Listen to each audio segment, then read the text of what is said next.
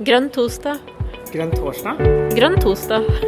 Grønn torsdag. Grønn torsdag.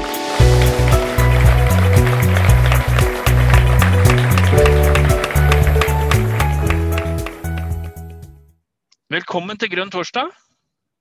I dag skal vi snakke om natur. Skal vi ikke det, Chris? For vi har fått eh, nestleder i MDG, Chris Rokkan Iversen, på besøk for å snakke om det som er mest viktig for henne. Og det er naturen. Og du bor du ute i naturen også? Vi bor vel egentlig alle på sett og vis i naturen, eller i hvert fall i biosfæra. Men eh, jeg er jo vokst opp i Lofoten mye tettere på kanskje naturen enn jeg, enn jeg bor nå, da. Jeg bor i Harstad, men eh, det er jo ikke så Det er jo ikke liksom stygt her heller, da. Eh, men det er jo mer en by, og så er det fantastiske naturområder rundt. Så i dag kom den første snøen. og ny, ny årstid på vei og mørkt om morgenen. Og, ja. Men eh, Ja. det er godt å, å ha natur å hvile blikket på, i hvert fall. Ja, men det høres bra ut. Og snøen, den kom Jeg bor i Løten, og snøen kom for et par dager siden. Men nå er den heldigvis vekk igjen, for jeg holder på med et byggeprosjekt som jeg må bli ferdig med før snøen skal komme ordentlig. Mm. Nei, men eh, vær så god. Eh, Jonas og jeg eh, skal styre møtet i dag, og så får du stå for det gode innholdet. Og så er, det jo som vanlig at folk kan kaste seg på litt etter hvert når Chris har kommet ordentlig godt i gang. B-menneske. Mm. Vær så god, Chris. Ja. Ja, tusen takk, og tusen takk for invitasjonen. Um, jeg fikk jo egentlig lov til å prate om hva jeg ville, uh, og da ja, det ikke så veldig vanskelig, egentlig. For uh, jeg har jo skjønt, uh, og jeg burde kanskje ha skjønt det enda tidligere, at naturpolitikk liksom er, det er hjertesaken. Uh, og, så jeg tenkte jeg hadde lyst til å si litt om eh, naturen, eh, hva den betyr for meg, og sannsynligvis så vil jo det gi en klang, klang hos andre. Eh, og hva naturen gjør for oss. Eh, og så må vi jo liksom vi kan, Dessverre så blir det ikke bare hyggelig, for vi må jo snakke litt om naturkrisa. Men så håper jeg på et sånt oppsving på slutten, eh, der vi kan snakke litt om hva er det vi kan gjøre. For det, at det er jo mulig å gjøre noe, vi må bare eh, gjøre det, og vi må gjøre det rett. Eh, jeg er jo eh, både agnostiker og eugnostiker, altså både i forhold til finnes det noe større enn meg sjøl, og er EU en god idé? Men eh, i, når jeg har jo eh, i mitt tidligere liv vært polarforsker og har et sånn veldig sterkt minne fra Barentshavet, der jeg sitter og har tatt en vannprøve fra Barentshavet.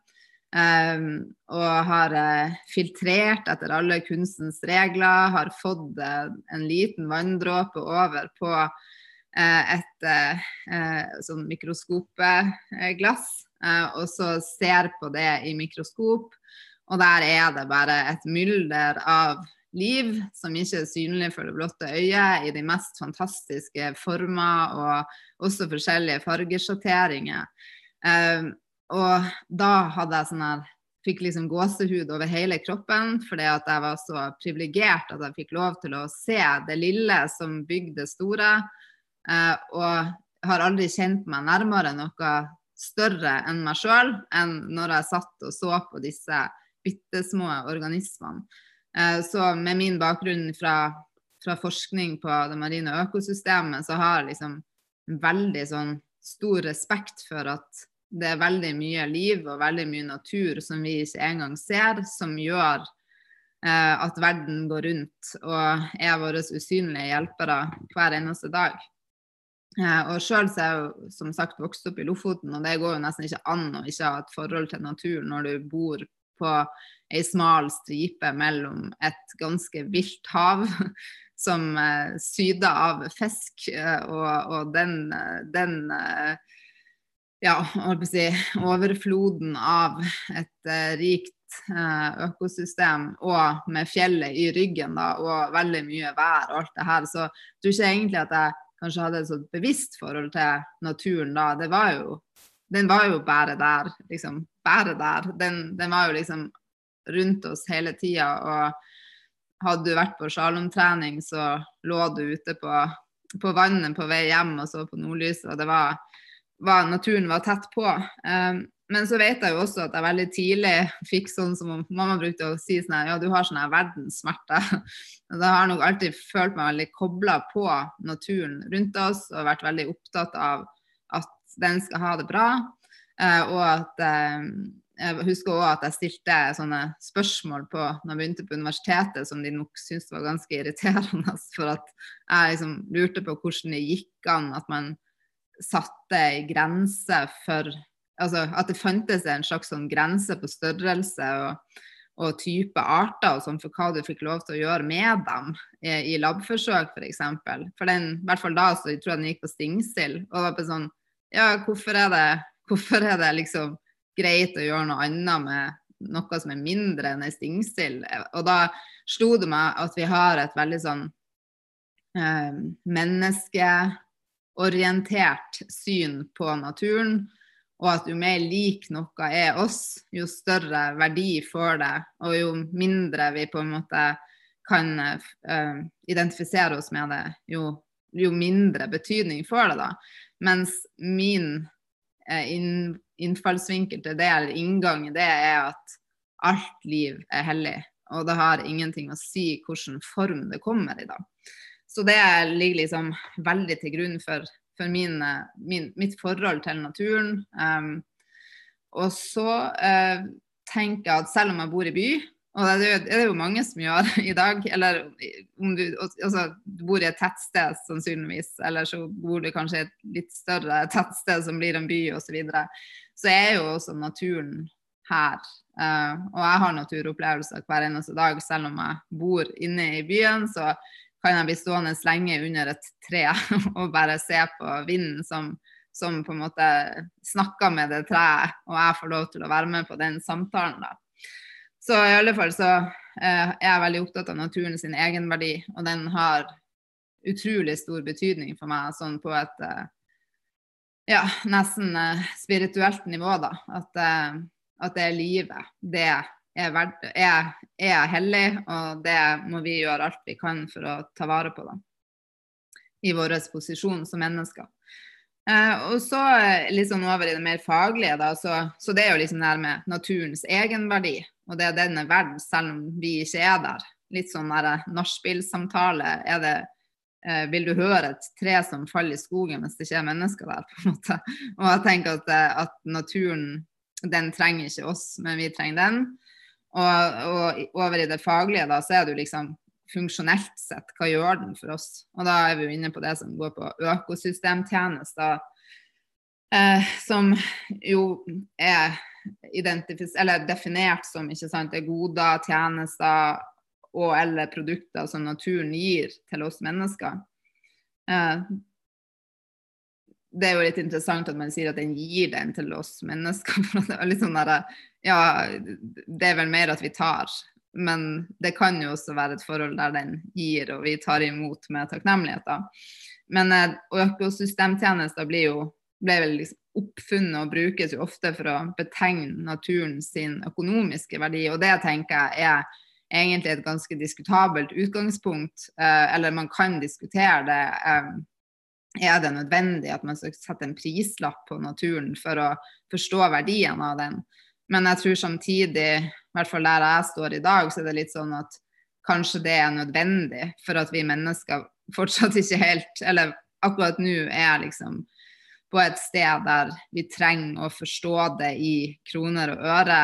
Kanskje ikke vi, da, men Eh, noen, noen, noen, trenger det fortsatt. da. Men det som jeg egentlig hadde lyst til å si om det med økosystemtjenester, går jo kanskje heller mer på å snakke litt om hva det er naturen gjør for oss.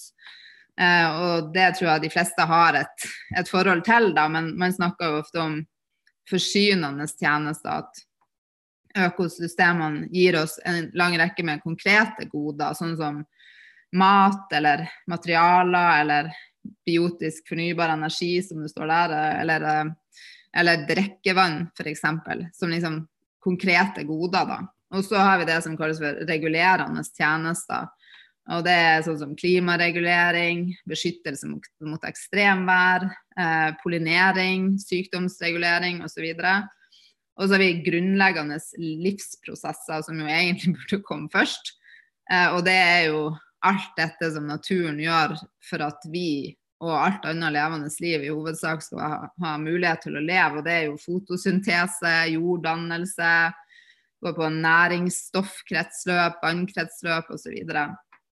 Og så er det det siste, da, som kanskje er det som veldig mange forholder seg til egentlig i sitt eget liv. Eh, kanskje så ofte som i hverdagen, og det er jo de opplevelses, altså opplevelses- og kunnskapstjenestene økosystemene gir oss. det kan være rekreasjon eller friluftsliv, eh, naturbasert reiseliv faller også inn den kategorien. Og så er det det som går på åndelig berikelse, uansett hvordan, om man har en definert tro eller ikke. da. Eh, så alt det her er jo, tenker jeg, er bærebjelkene for eh, mitt liv, deres liv. Og så er det jo også bærebjelkene for samfunnet rundt oss og næringslivet f.eks. Det er jo ingenting som kan fungere uten at disse økosystemtjenestene fungerer. Da. Sånn at um, det, det, tenker jeg liksom, Hvis noen ikke forstår egenverdien til naturen, så må de jo i hvert fall være i stand til å forstå betydning av økosystemtjenestene. For at hvis disse tjenestene ikke fungerer, så kommer jo biosfæren, i hvert fall den biosfæren vi trenger for å leve, eh, ikke til å kunne understøtte eh, mennesket sitt liv, da. Eh, altså vi kan ikke puste uten fotosyntese, f.eks.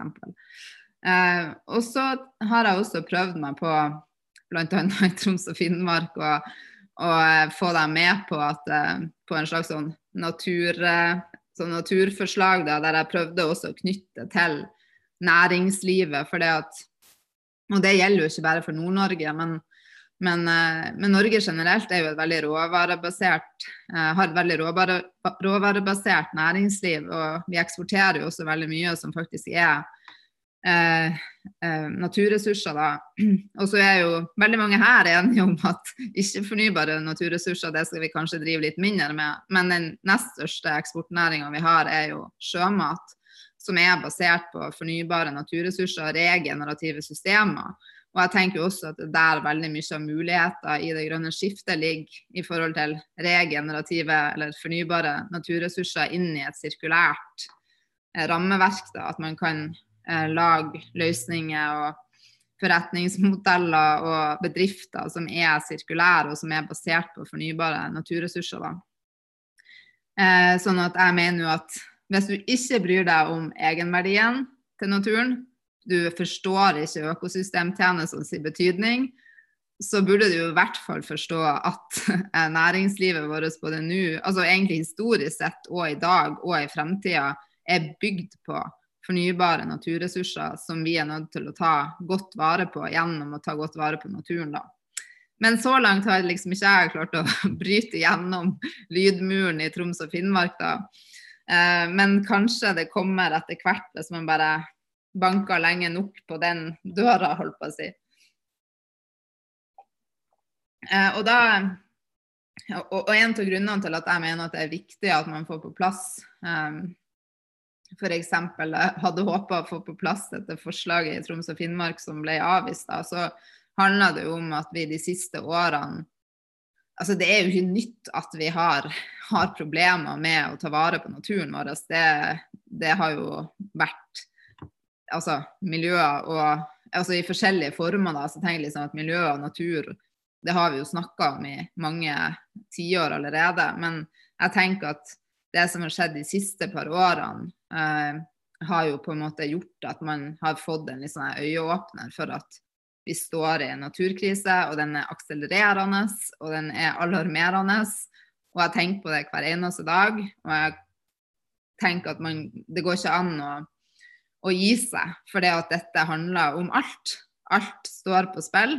Eh, og vi som er glad i naturen, og som forstår betydninga av den, i MDG og også i andre partier der det finnes eh, mye bra naturfolk. Vi, vi, må bare liksom Når vi møter på en, eh, en eh, bom, holdt på å si. Når vi, når vi møter på en barriere, så må man på en måte bare ja, jeg vet ikke. Bare røyse seg opp igjen og, og prøve på nytt. For det, det, går ikke an å gi seg på den saken. Og for å si noen sånne eh, highlights i forhold til naturkrisa, da. Um, og da mener jeg ikke det på en positiv måte. Så er det jo sant, 2019 så slår FNs naturpanel alarm.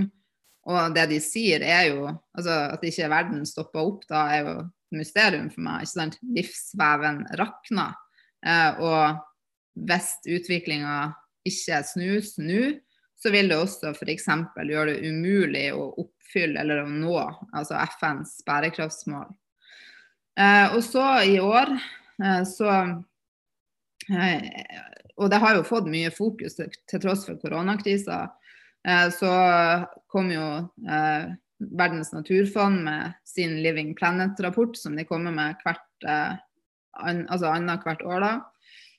Og i år så var jo eh, det eh, altså, si det, det tyngste budskapet på alle mulige måter var jo at 68% av alt dyreliv eh, har gått tapt siden 1970. Og jeg er jo født i 77, så det er liksom når man setter, liksom, kan sette inn i nesten si, egen levetid, så gjør det i hvert fall utrolig stort inntrykk på meg. Og jeg mener også å huske at rapporten før det, altså to år før, så var det på 60% sånn at det har jo vært 8% forverring på to år bare.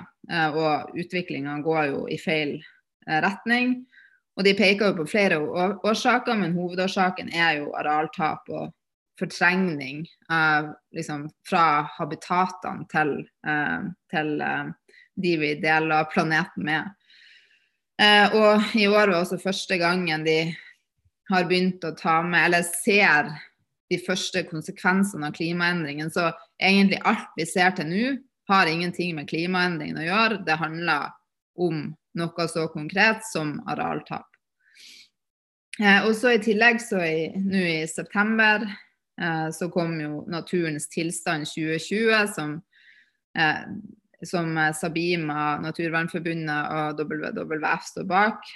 Eh, og hoved, sånn som jeg forstår det, så er jo liksom bakgrunnen, eller for den rapporten, da, er jo at man i 2010 satte seg disse Aichi-målene og det, for de som ikke kjente det, så det gjorde ikke jeg før. så, så, det, så er jo Norge har jo eh, ratifisert eller liksom sagt at vi skal være med på, vi har forpliktet oss til å være med innenfor eh, FNs biodiversitetskonvensjon.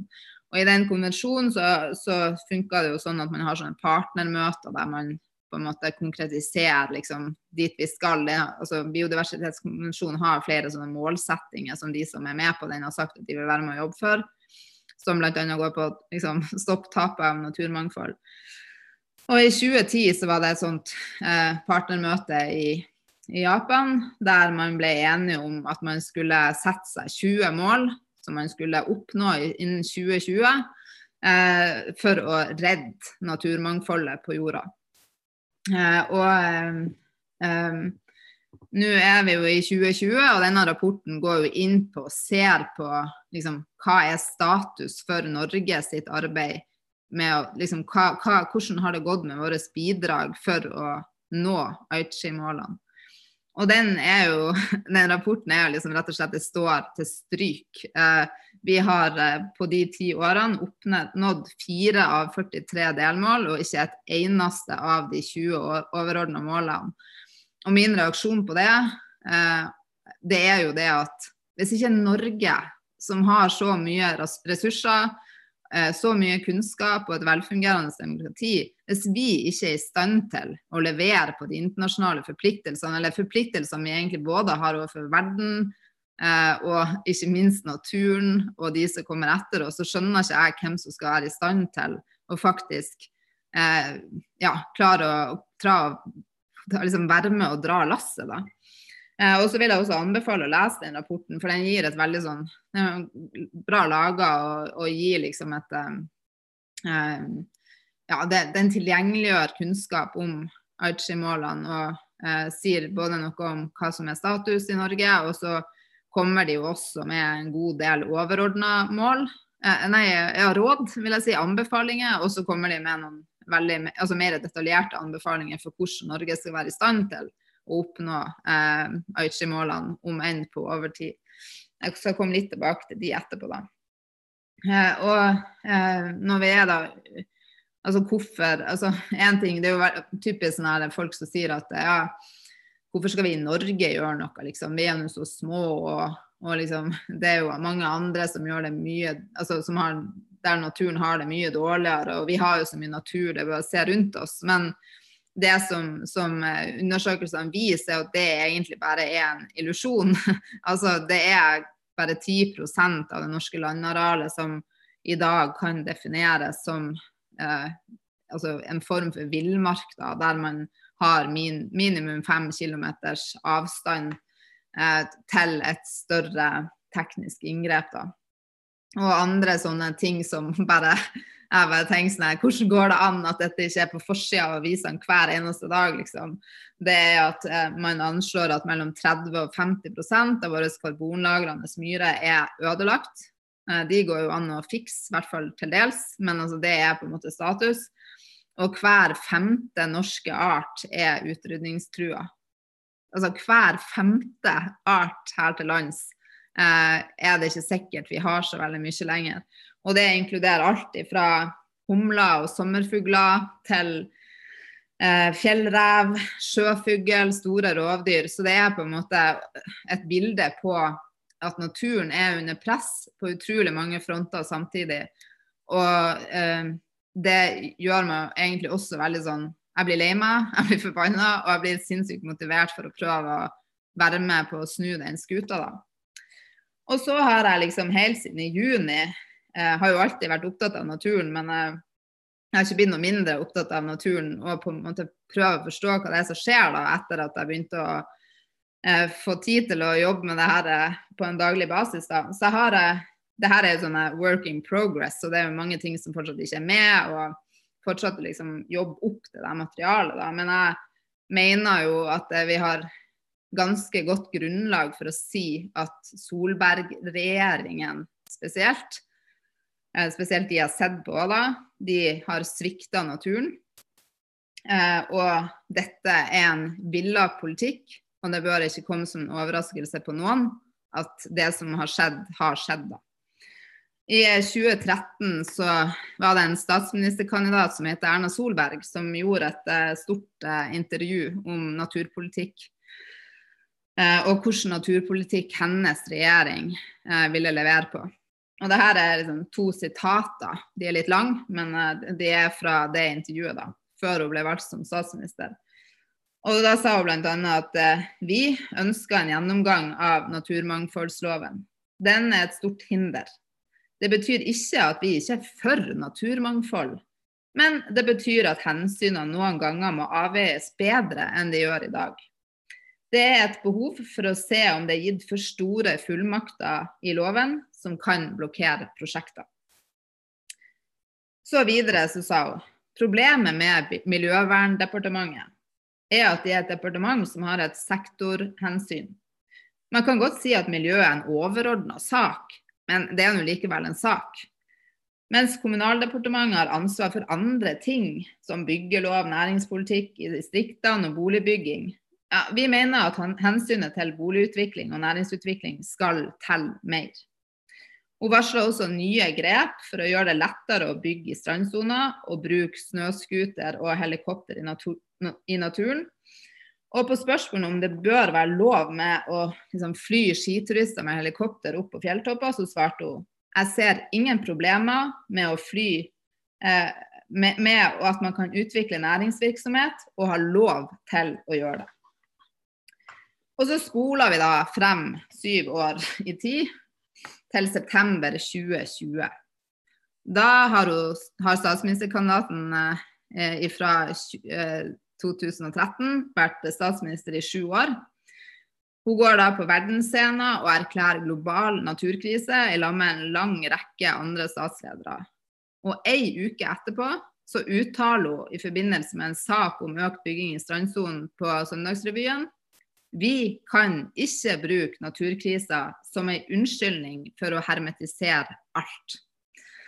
Eh, så det er liksom intet nytt fra den fronten. Det er samme låta. Eh, men ingen skal i hvert fall kritisere Solberg-regjeringen for å ikke ha levert på det de sa de skulle gjøre.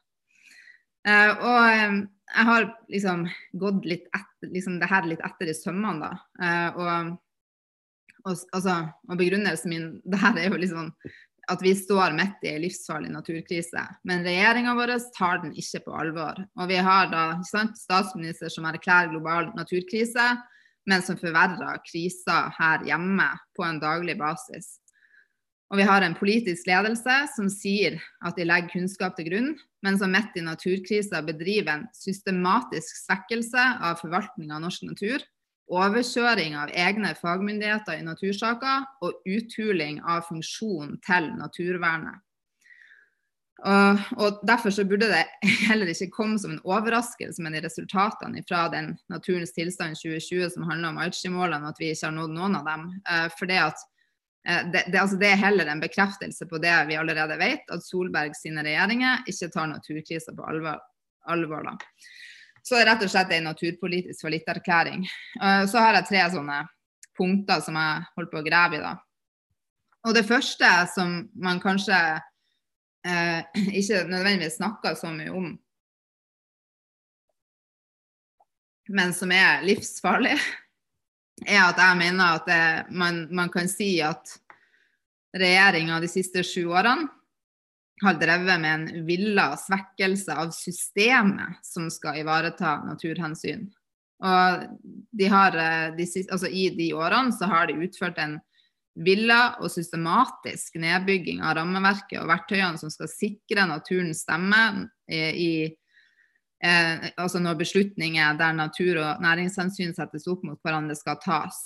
Og blant disse strategiske overordna grepene så er det en systematisk tilsidesettelse av miljøhensyn i plansaker behandla av departement, det er også snakk om et eget rundskriv om å legge mindre vekt på miljøet i plansaker. Det er endringer i plan- og bygningsloven. Det er redusert budsjettramme for Klima- og miljødepartementet og kutt i bevilgningen til trua arter og naturtyper. Og bare sånne veldig eh, sånne konkrete eksempler da, som høres liksom altså, Eller jeg tror de fleste her skjønner at det er drøyt, da, men jeg tror ikke folk flest egentlig skjønner det helt. da. Eh, det går jo f.eks. på at de har flytta forvaltninga av plan, plan, og bygningsloven eh, fra Klima- og miljødepartementet over til Kommunal- og moderniseringsdepartementet, i strid med Klima- og miljødepartementet sitt ønske. Erna Solberg nevnte den rundskrivet. Hun oppfordra i 2019 Miljøembetsverket om å lytte mer til kommunene sitt syn og stå mindre opp for nasjonale natur- og miljøinteresser. Og det har gjort endringer i plan- og bygningsloven som bl.a. gjør det lettere å bygge i strandsonen.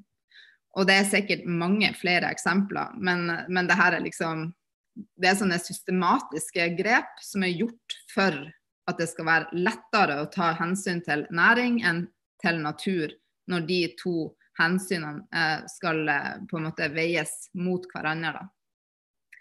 Og det neste er jo at jeg også mener at det finnes bevis. Det er ikke det her at det er en rettssak, men vi kan jo late som at det er det. At de har drevet med en systematisk overkjøring av faglige råd som går i naturens disfavør gang på gang. Og tre eksempler på det, og kanskje et fjerde til og med, som jeg kommer tilbake til, er jo altså sakene om Førdefjorden og Repparfjorden, som er litt sånn samme type sak. Trænarevet og iskantsona, f.eks de er tydelige eksempler på hvordan regjeringa overkjører råd fra egne fagmyndigheter så fort det på en måte handler om profitt. Og det er jo ganske spesielt i og med at dette er fagmyndigheter som ligger under dem sjøl. Og da kan man jo spørre seg selv litt sånn her, hva er vitsen med å ha de hvis man ikke skal ta rådene deres til seg og legger de til grunn for avgjørelser. Av helt ferske eksempler så er jo saken knytta til konsesjonsprosessen for vindkraftverket på Stadlandet et grelt eksempel på det samme. Og så er regjeringa også den tvilsomme innehaveren av topplasseringa for brutte miljø, miljøråd, antall utvinningstillatelser og grønt lys for oljeboring i i, de aller mest kystnære og sårbare havområdene. Så i sant, Trænarevet, eh, Havforskningsinstituttet fraråda oljeboring. Regjeringa åpna for det allikevel, eller for prøveboring nå. Iskantsona, Norsk Polarinstitutt og Havforskningsinstituttet mener iskanten burde vært flytta lenger sørover enn det regjeringa foreslår. Regjeringa går likevel for eh, en, eh, en mer nordlig utvidelse og inngår politisk kompromiss. Men tilfeldigvis så ligger det en linje akkurat sånn at de trenger ikke gjøre noe med konsesjoner som allerede er gitt. Og I Repparfjorden og Førdefjorden-saken så har jo Havforskningsinstituttet fraråda dumping av gruveavfall i begge de fjordene og andre nasjonale laksefjorder, men Næringsdepartementet tillater allikevel. Og I Stadlandet så ble jo faglige råd ignorert i konsesjonsprosessene for vindkraftverkene. Fylkesmannens advarsler ble ignorert. Eh, og det er også et faktum at naturverdiene i området er vurdert som store. Eh, og så eh, er det For olje er det liksom en helt egen sånn her, et eget kapittel. altså Det handler om at de nesten som en regel eh, ikke forholder seg til faglige frarådelser i oljesaker. Det er snakk om sørlige Barentshav, der regjeringa åpna for oljeleting. Altså på tross av de miljøfaglige rådene fra Miljødirektoratet. Det er snakk om Møreblokken, eh, der regjeringa tillot oljeleting eh, i 2018, selv om eh, fagmyndighetene fraråda det. Eh, og eh, det er liksom generelt altså det her er en sånn gjenganger da, som, som, går igjen. Og så, så liksom det er på en måte den, den, den svekkelse av systemet som skal ivareta det, og det er systematisk overkjøring av faglige råd fra egne fagmyndigheter. Og det siste og liksom tredje som jeg har holdt på å grave i, da, eh, det er at i praksis altså, Eller én praksis der vern av naturverdier kun gjelder på papiret. Man kunne også sagt at det finnes mye vern på papiret i Norge, men i praksis så gjelder det ikke. Det er jo kanskje å sette litt på spissen, da. Men eh, det kan fremstå som at norsk naturvern på mange måter i dag er en teoretisk øvelse som gjelder på papiret, men ikke i praksis. Og et eksempel, eller sånn tematisk eksempel, er jo Altså det er flere pågående saker som omhandler verna våtmarksområder for tida, eh, der regjeringa viser null respekt, selv for den strengeste formen for naturvern vi har. Og Da har jeg også tre eksempler på det. Det ene er Tanamunningen naturreservat i Troms og Finnmark, der Kystverket, som jo også ligger under staten, planlegger mudring, til tross for at det er altfor lite kunnskap om hvilke konsekvenser mudringa vil ha for en nøkkelart i systemet, en liten fisk som heter sil. Og dette er jo et Ramsarverna våtmarksområde med et rikt eh, dyre- og fugleliv, som er et naturreservat. Og så har vi Lågendeltaet, som var oppe før i dag, der man jeg syns at det høres lurt ut å kjøre en, eh, en vei gjennom et eksisterende naturvernområde med så strengt vern at padling er forbudt i hekketida i deler av, av, det, har jeg hørt. Og der eh, skal jo dispensasjon fra vernevedtaket behandles av Fylkesmannen. Men regjeringa sin politikk, som, jo har snakket, eller som jeg snakka litt om, har jo gjort det har jo aktivt gjort det vanskeligere for at Fylkesmannen kan sette foten ned i denne type saker. Og så det siste eh, er jo Nordre Tyrifjorden, der man planlegger en ny E16 over Ringerike, som vil berøre det her som altså et av Norges viktigste våtmarksområder eh, i Nordre Tyrifjorden naturreservat. Det er også Ramsarverna. Og jeg tenker at disse tre eksemplene det kunne godt ha vært fra en annen type natur. da, For jeg tror det gjelder mye av det samme rundt omkring. Jeg har også fått liksom, bekymringsmeldinger fra folk som jobber i forvaltninga i nasjonalparker osv. som bare eh, Altså, vi har en regjering som skryter av at de verner liksom eh, veldig mye. Men det spiller jo ingen rolle om de verner det på papiret, når man ser så mange eksempler på at selv naturreservat, som er så strengt, at det skal ikke mer til enn et næringshensyn. Uh, og et pennestrøk, så er det vernet i praksis ikke verdt papiret det er skrevet på engang. Så det handler også om at, de, at vi på en måte ikke altså, liksom, altså, Har vi egentlig et naturvern i praksis i Norge, er jo et betimelig spørsmål. Eh, sånn at eh, det er liksom Det der går jeg rundt i hver eneste dag og tenker på. Og liksom eh, blir mer og mer bekymra og, og liksom tenker at eh, vi kan ikke egentlig vente et eneste år til for å komme i posisjon, for vi trenger grønn naturpolitikk, og vi trenger den nå. Og konteksten for meg, altså det store bildet, er jo liksom én, naturkrise akselererer. Vi har kunnskapen om både problemer og løsninger, men vi gjør ingenting. Eh, og så I tillegg til det så har du jo EUs naturmangfoldsstrategi, eh, som jo er ganske så ambisiøs og i Norge vil sikkert oppfattes som radikal.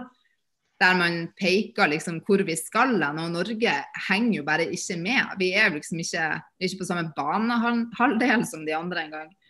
Eh, og I EU så prater de om å verne 30% av arealene eller av naturen både eh, i havet og på land. De snakker f.eks. også om å restaurere 25 000 km med elver osv. osv.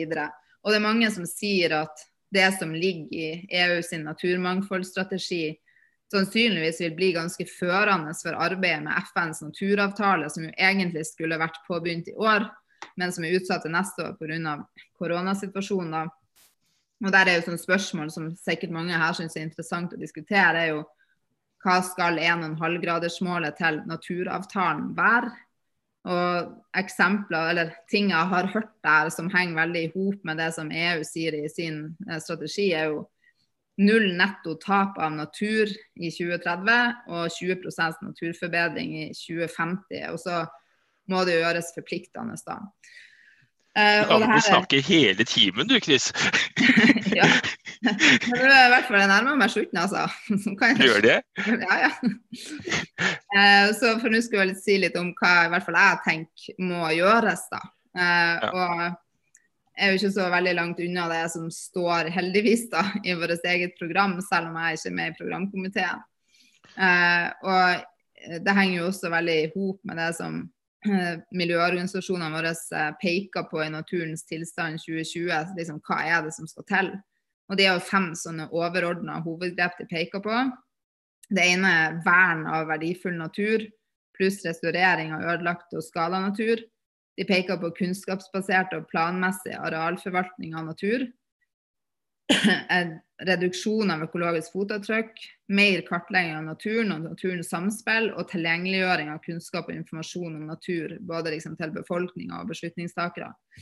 Så jeg skal ikke gå inn veldig i detalj på de punktene mine, for jeg tenker at det er mange som, sikkert, som har mange meninger om det her, og som kanskje også har sett på programutkastet. Da. Men liksom én, vi trenger mer kunnskap. Både liksom at vi må få mer kunnskap, og den må spres ut, sånn at folk vet disse tingene egenverdi, økosystemtjenester. Hva betyr det for næringslivet vårt og potensialet vårt for et grønt skifte? Eh, og så er det jo mer vern. Eh, og da tenker jeg også på vern av hverdagsnaturen eller nærnaturen. Og vi må tenke på vern av arter og av næringskjeder. Og så må vi styrke vernet i praksis, ellers er det jo ingen vits i. Og så er det jo restaurering av natur, men jeg tenker at det vernet er liksom primært, og så må vi restaurere der vi må, på en måte. Og så er det det som går på system. Altså natur kan ikke være gratis. Eh, og utbygger eh, skal primært betale, sekundært erstatte. Vi må flytte plan- og bygningsloven tilbake til Klima- og miljødepartementet der den hører hjemme. Og vi må gjenopprette og styrke, ikke svekke, fylkesmennene sin innsigelsesmyndighet. Og så må vi få på plass nasjonale retningslinjer for naturhensyn i regionale og kommunale planstrategier. Som jo er på en måte plandokumentene sin, sin mor, da. Og så må vi få en naturlov på plass etter klimalovmodellen. Og et uavhengig klageorgan for miljøsaker og naturinngrep. Og så kunne jeg fortsatt ganske mye lenger. Men jeg tenker at det handler jo også om å lære av arbeidet med klimakrisa. og det som, Der er det jo fortsatt mye igjen, men det er liksom å få det her i et system der det handler om både kunnskap, det handler om si, rettsvernet, eller altså, altså systemet, liksom, hvordan det er bygd opp for å, for å Eller det handler om, om, kunnskap, det handler om på en måte lover og regler som ligger i forhold til hva som er lov eller ikke lov når det kommer til natur. Eh, og det handler om eh, et system som er rett skrudd i hop for å sørge for å ha oversikt over og liksom mulighet til å gripe inn eh, når disse lovene og reglene ikke overholdes. Så jeg tror vi, vi må liksom tenke på flere nivåer samtidig. da. Eh, så da, Jon Lurås, er gjennom det jeg hadde liksom skrevet ned. Men jeg tenker at jeg kunne sikkert sagt mange flere punkter på hva vi må gjøre. Men det som i hvert fall er helt sikkert, er at vi må få naturen opp på prioriteringslista, og vi må slutte å snakke og vi må begynne å handle. Og jeg tror vi må tørre å være um, veldig tydelig. Og så tror jeg at man på et eller annet punkt er nødt til å si at dette er et nasjonalt politisk område. og på lik linje med forsvars- og helsepolitikk og sånn her, at det, det, kan ikke overlates til lokaldemokratiet, mange av disse avgjørelsene. Det er for viktig. Det er naturkapitalen som vi alle eh, skal, trenger for å leve, og som samfunnet vårt trenger for å utvikle seg videre. Um, så jeg er i hvert fall veldig engasjert i det her. Og er glad for å vite at det er flere i MDG som er av samme ulla. Ja, ja. Takk for meg. Ja, nei, du, du, skal, du, skal, nok få sjansen til å si litt mer også, men det var intenst å høre på deg. og mange interessante vinklinger. og Jonas begynte jo å tenke litt også her. Eh, og Var noe du lurte på, Jonas? Og hvis det er flere som vil tegne seg Nå har vi en del minutter igjen her, så det er bare å raise hand eller skrive en kommentar i chatten, så skal dere komme på etter hvert. Eh, Jonas, hva hadde du eh, tenkt på nå? Ja, nei, jeg har, jeg har tenkt, så det, så det, knaker. Og takk for en eh, god innledning. Eh, blir eh, ordentlig engasjert av å høre på deg.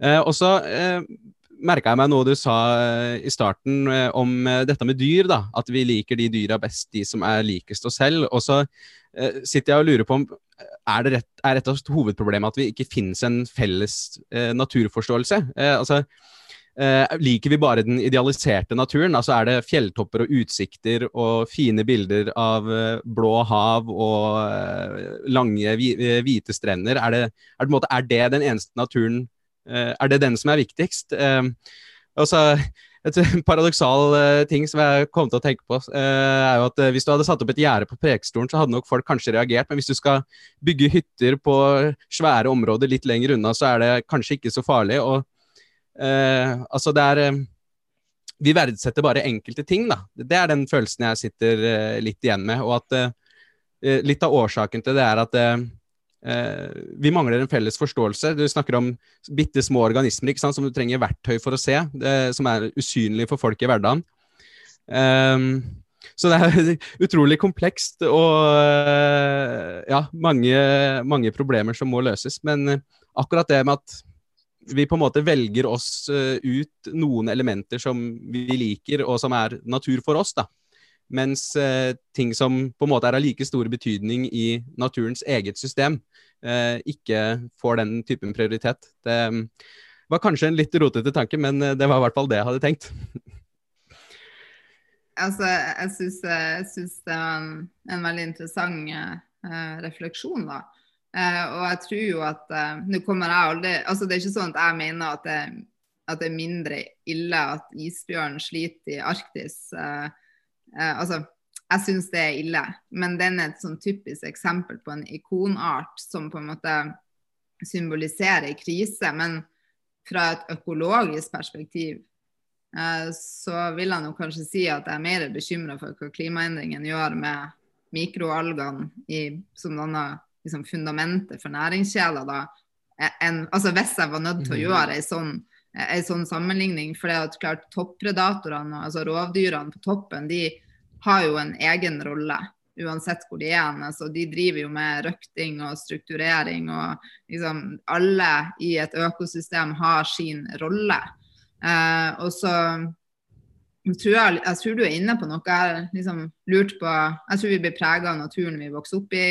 Jeg tror vi, vi har liksom preferanser for natur som kanskje ligger veldig dypt i oss. Som, som vi kanskje ikke engang liksom, Det er ikke innenfor rekkevidde engang. Men jeg tror jo at det, det, finnes liksom stygg og fin natur liksom, i preferansene til folk men natur er jo ikke der for å være fin eller stygg. Den er der fordi at den er Alle delene er puslespillbiter i, den, i det store bildet som kalles for biosfæra, der alt henger sammen med alt, og der noe som vi ikke engang vet om, eh, blir borte, så kan det rakne en del av veven.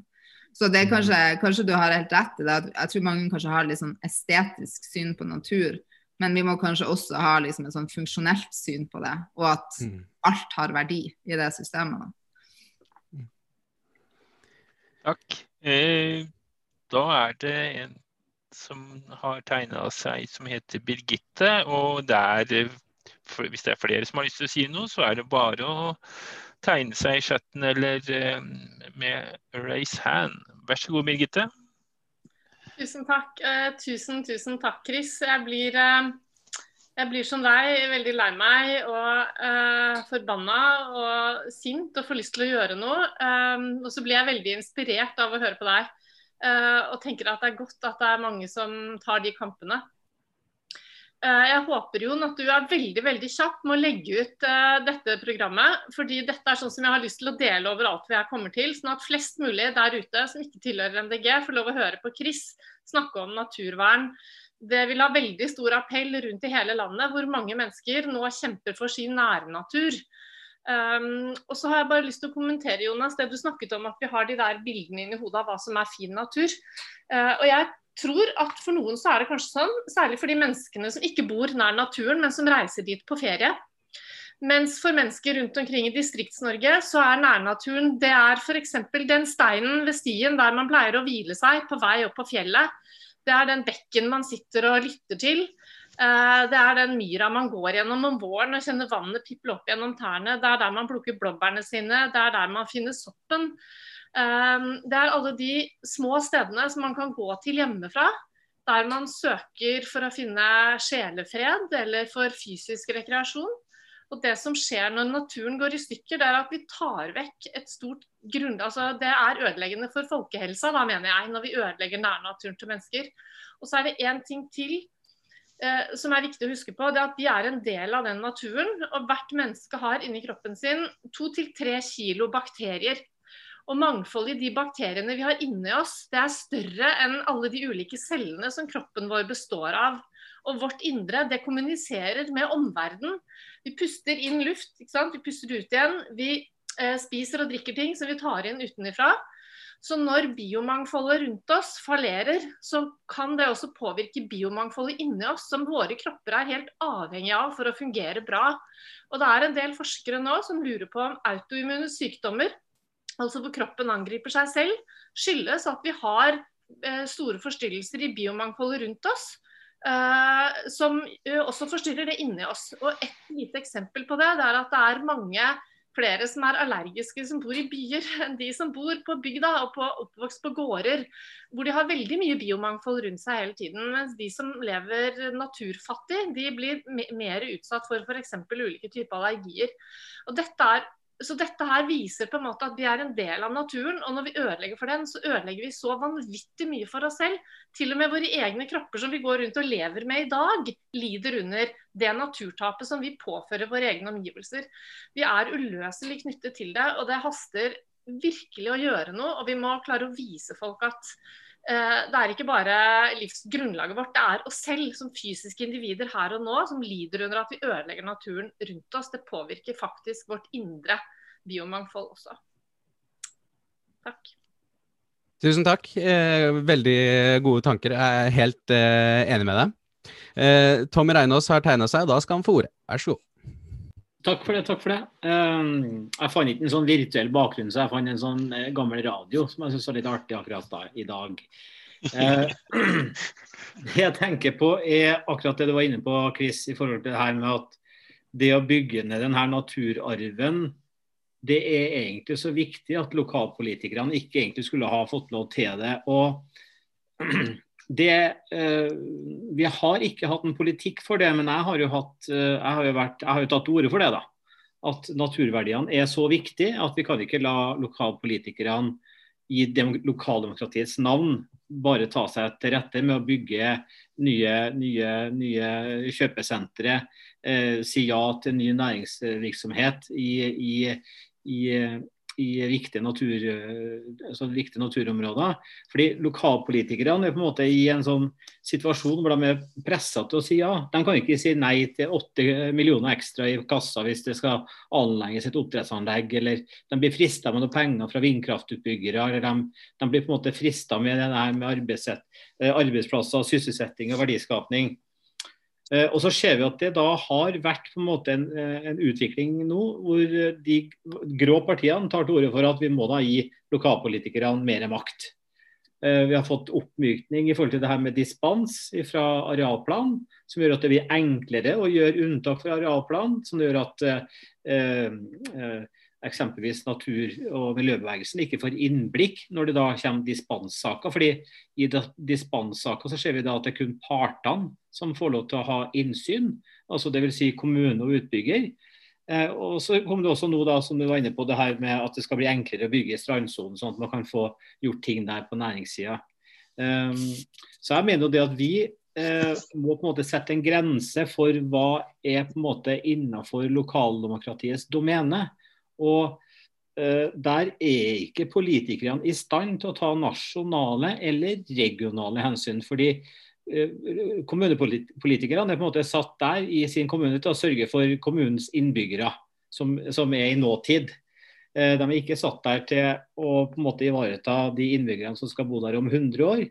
og de er i, i, i, alle fall ikke så har man aldri et kunnskapsgrunnlag i en sak som berører å bygge ned naturarven, så ligger det aldri i saksomlegget fra rådmannen at hvilken konsekvens for det her i et regionalt perspektiv eller et nasjonalt perspektiv.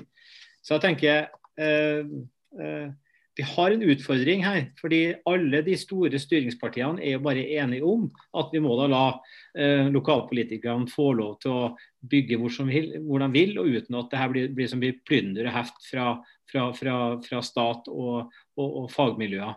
Og så ser vi også det at vi har dokumentasjon på at eh, dessverre så er det sånn at lokalpolitikerne ikke følger, følger faglige råd. Og så hadde, man, hadde lokalpolitikerne fulgt i større grad faglige råd i saker som går på nedbygging av eh, natur. Eh, så, så, hadde vi ikke bygd ned så mye natur som vi gjør. Men man følger ikke, man følger ikke faglige råd. fordi det, det, man tenker gammeldags med at, eh, med at, det er så viktig å få, få en, ekstra, en, en ekstra arbeidsplass eller to. Så jeg tenker det, det du tok opp akkurat den problemstillinga der, den håper jeg vi må prøve å få ivaretatt i det nye valgprogrammet. Sånn at eh, vi klarer på en måte å sette et slags et grensegjerde for hvor går, hvor går friheten for enkelte, det enkelte kommunestyret da, i forhold til å bygge ned eh, vår felles natur. Tusen takk, Tommy. Viktige ting. Eh, eh for om det ikke er tema nå, så har jeg tenkt på jordvern, så gjelder jo faktisk det samme. Der alle sier at det er viktig, og det er ingen som gjør noe med det. De følger jo ikke fagfolkas greie der heller. Så sånn er det. Men det, ikke, det er ikke tema i dag. Eh, Chris, eh, du ville si noe mer, du? Ja, alltid. Jeg og Tommy. vi, vi kunne sikkert ha holdt det gående i noen timer, bare jeg og Tommy. Birgitte kan jo få være med. Men jeg tenker at um, Jo, det der i forhold til Altså, det, det er jo jeg tenker at det, det blir helt sikkert ramaskrik hvis man sier noe sånt. Uh, men samtidig så er det jo en del ting som alle vet, som noen er nødt til å si høyt. da. Uh, og så er det jo ikke fordi at jeg tror at kommunene liksom vil det verste. Det er jo ikke det som er liksom utgangspunktet. Det er jo det er mange årsaker til at jeg tror at det er vanskelig for, eh, for kommuner å ta beslutninger i et evighetsperspektiv. Eller du sa regionalt, men jeg tenker også liksom evighetsperspektivet, eller i liksom et egentlig et slags globalt perspektiv der alle deler av jorda er piksler i et stort bilde som henger sammen. da. Uh, og Det ene er jo liksom, det kommer litt an på størrelsen på kommunen, men som regel, i hvert fall i distriktene, så er det jo sånn at kommuner er, de er små. De har små fagmiljøer. De har som regel ikke kompetansen som skal til for å gjøre vurderingen, eller vite engang de mangler kanskje til og med bestillerkompetanse for hva de skal innhente av kompetanse. Så tenker jeg at det er for uh, tette bånd ofte i et lokalsamfunn mellom de som tar beslutningen og næringsliv, f.eks. At det kan være veldig ubehagelig å si nei til noe. Eh, altså, det kan være vanskelig, rett og slett. Det er for, for tett. Eh, og så er det jo dette med penger. Og jeg har av og til lurt på at kanskje det hadde gjort mye for å løse både klima- og naturkrisa hvis kommuneøkonomien i Norge hadde vært bedre. Liksom betydelig bedre. For det, det er jo ikke rart at du velger å ta avgjørelser du kanskje innerst inne vet liksom, Det føles liksom ikke helt rett, men, liksom, men 200 millioner i kommunekassen, ikke sant. Hvem, altså, klar, hvordan skal du klare å stå imot det når du ikke har penger nok til å til å, å si, eh, holde skolebygninger i, i, god stand, eller, eller kanskje aller mest f.eks. ta vare på folk på, omsorgs, eh, som har omsorgsbehov og sånn. Eh, og da, tenk, det var jo litt snakk om, og Vindkraft er jo et eksempel. for Jeg har vært med på noen av de møtene med, med altså aktører som skal spille inn til vindkraftmeldinga. De snakker jo om to ting. og Det er liksom naturhensyn Eh, og det andre er jo liksom lokal forankring og aksept. Og det er jo det de prater mest om hvis de sjøl er på liksom, den utbyggersida. Og det, jeg blir livredd ut av det. For at uh, hvem skal ta vare på naturhensynet hvis du liksom det skal være bedre liksom, betalingsordninger eller belønningsordninger for kommuner som sier ja til noe de kanskje egentlig ikke vil ha. da. Uh, og så tenker jeg Et annet godt eksempel er Havbruksfondet som er bygd opp i dag på den måten at eh, du blir belønna for biomasseøkning. Sant? Det er de som får pengene. Så det betyr at hvis du skal ha en skjerv av havbruksfondet, som veldig mange kystkommuner i dag egentlig er avhengig av for å liksom ha noen ekstra midler tilgjengelig for å dekke opp for behovene de har, Eh, så du nødt til å legge til rette for biomassevekst i oppdrettsnæringa. Så det er et utrolig snedig verktøy for å sikre vekst i den næringa. Så jeg, er ikke veldig overraska over at bransjen sjøl ikke ønsker seg ressursskatt og alle de her type tingene, men sier at ja, men kommunene får jo pengene fra oss. For at premisset for Havbruksfondet er at du er nødt til å si ja til biomassevekst. Sånn at eh, jeg tror eh, og det finnes sikkert mange flere eksempler på akkurat de samme verktøyene, der du setter lokaldemokratiet og kommunen i en umulig situasjon, der du skal klare å skille mellom eller vurdere kortsiktige utfordringer og kanskje prekære, kritiske behov her og nå, inn, altså mot liksom, evighetsperspektivet og langsiktige muligheter for annen type næringsliv osv. Så, videre. så Så det der er en veldig interessant diskusjon. Uh, og jeg mener jo ikke at vi skal overstyre kommunene i ett og alt. Men det er litt tilbake til Erna Solberg. Liksom sånn der, miljø er jo en overordna sak, og det er fortsatt bare en sak. liksom, eller natur, altså, natur er en sak, men du kan ikke ha den på samme sakskart og gjøre samme type prosess på den i en kommune som noe som handler om, en, om, om et eller annet sånn veldig lite og konkret. For at det er en sak som, er, som handler om så utrolig mye mer, og der man egentlig forvalter en kapital som man sjøl ikke eier. Man har den bare til låns. Takk. det var Ja. Eh, Birgitte ville, ville, si noe, men jeg tenkte at eh, et, nå, klokka går jo så fort. Eh, så da tenker jeg det at etter at Birgitte har hatt sin replikk, så får du sjansen til en liten avrunding, eh, Chris. Eh, hvis ikke du nå er tom for ord. Så vær så god, Birgitte. Jo, takk. Jeg tror du har helt rett Chris, i det du sa i sted, at dette er veldig villet politikk fra regjeringen, som struper kommunene og tvinger dem til å si ja til næringsinteresser. Fordi vi har jo også sett at kommuner som faktisk sier nei, de blir jo overkjørt av regjeringen. Da går regjeringen inn, griper inn og sier at det teller ikke at kommunen sier nei. Eh, OED har gitt konsesjon, og den er gitt på riktig grunnlag. Så at Ålesund kommune sier nei til vindkraft på Haramsøya f.eks., det spiller ingen rolle lenger. Uh, og Det ser vi også når det, gjelder, uh, når det, gjelder, andre ting. Og så vil jeg bare slenge på på tampen noe som gjør meg så eitrende forbanna. Og det er de 36 millionene pluss, pluss, pluss som regjeringen skal bygge palass for til seg selv, mens de struper kommunene uh, og ødelegger naturen vår. Eh, villet politikk fra dagens regjering. Og den, Chris, den må vi, vi må, den må vi hive. Takk. Det var milliarder, var det vel. Ja. Ikke millioner. Nei, milliarder, ja. Nemlig. ja. ja. ja. Nei, men dette har vært bra. Eh, Jeg tenker Chris får få en liten sluttkommentar. Jeg må bare si at eh, Tommy var innom frihet, og det har jeg og Jonas og Karina lurt litt på om vi skal ta en grønn torsdag knytta til frihet her. Og det eh, kan hende at det kunne blitt et interessant tema. Det høres litt sånn ut når folk er innom det her. Så. Men Chris, en, eh, nå, er, eh, nå har det gått en time, så du kan ikke snakke veldig lenge nå. Så du får no, noen ord på slutten her. Ja. Det er vel en time til i godt selskap. Nei da. Eh, jeg kan komme med noen fun facts fra min tid som marinbiolog. Som liksom, at naturen også er et skattkammer av liksom, ting å undre seg over, som jeg tror er veldig viktig for oss mennesker og for ungene våre og for kreativiteten vår og alt det. Eh, og at det finnes flere bakterier i havet enn stjerner i det synlige univers. Og hvis du tar alle virusene i havet og legger de etter hverandre på ei linje, så rekker det en rekke eller linjer eh, seks galakser ut i verdensrommet. Så det kan dere jo tygge på. Jeg håper ikke jeg har glemt at det var noe feil der. Men uh, vi, vi, vi sier det sånn, og så kan dere tenke på det.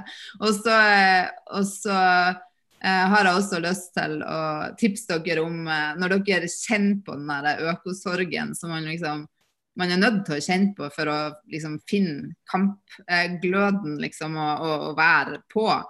Men man kan ikke være i den hele tida, for da, da fungerer man ikke. Så i dag eh, og i går, når jeg skulle forberede meg til debatt om eh, elbil, som jo også påvirker liksom, har jo med klima og natur, og alt det henger jo sammen. Klima- og naturkrise er jo to sider av samme sak. Eh, Så har jeg hørt på The Seed med Aurora, som var den sangen som vi brukte til TV-aksjonen. Så den vil jeg tipse alle om å, om å høre på når man trenger litt sånn ja, ja, kamp, kampånd og liksom gå ut i naturkrigen og kjempe for det som er viktigst av alt i verden. Livsveven som vi alle er en del av.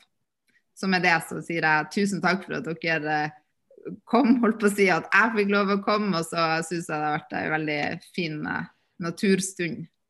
Digital dog. Ja. Tusen takk for uh, veldig godt og engasjert snakking, Chris. Og du får nok sjansen igjen. Eh, Men eh, det, da blir det nok bikka 2021 en eller annen gang, så får vi se hvordan verden går videre. Og det er veldig mange ting å ta tak i. Hva, hva skal vi ta tak i videre, Jonas? Vet vi det? Ja, vi har, vi har, jo, vi har, jo, noen, eh, vi har jo noen ideer. Det, det har vi jo. Eh, vi skal jo få høre fra noen førstekandidater etter hvert, blant annet. Det skal vi jo. Det er jo en prosess som pågår rundt omkring i, i landet. Så da er det jo bare Da må vi jo eh, Vi må jo slippe folk til. Ja. Mm. Ja, Tommy er vel en av de som prøver, tror jeg. Jeg har mistanke om. og Så får vi se hvordan ting utvikler seg. Yes. Ja. Det blir spennende. Så får vi se. Da har vi ikke helt landa hva vi gjør for noe om ei uke, men eh, dere er hjertelig velkommen tilbake da. Så får vi se hva det som dukker opp. Noe blir det. Mm. Så det legges ut. Ja. Infoen kommer. Ja, så skal vi se om vi greier å ta lagt ut eh, fortere enn vi har gjort innimellom, Birgitte, sånn at du blir fornøyd. Ja. ja. Tusen takk til alle som var med i dag. Ha en fortsatt god kveld. Mm. Ha det.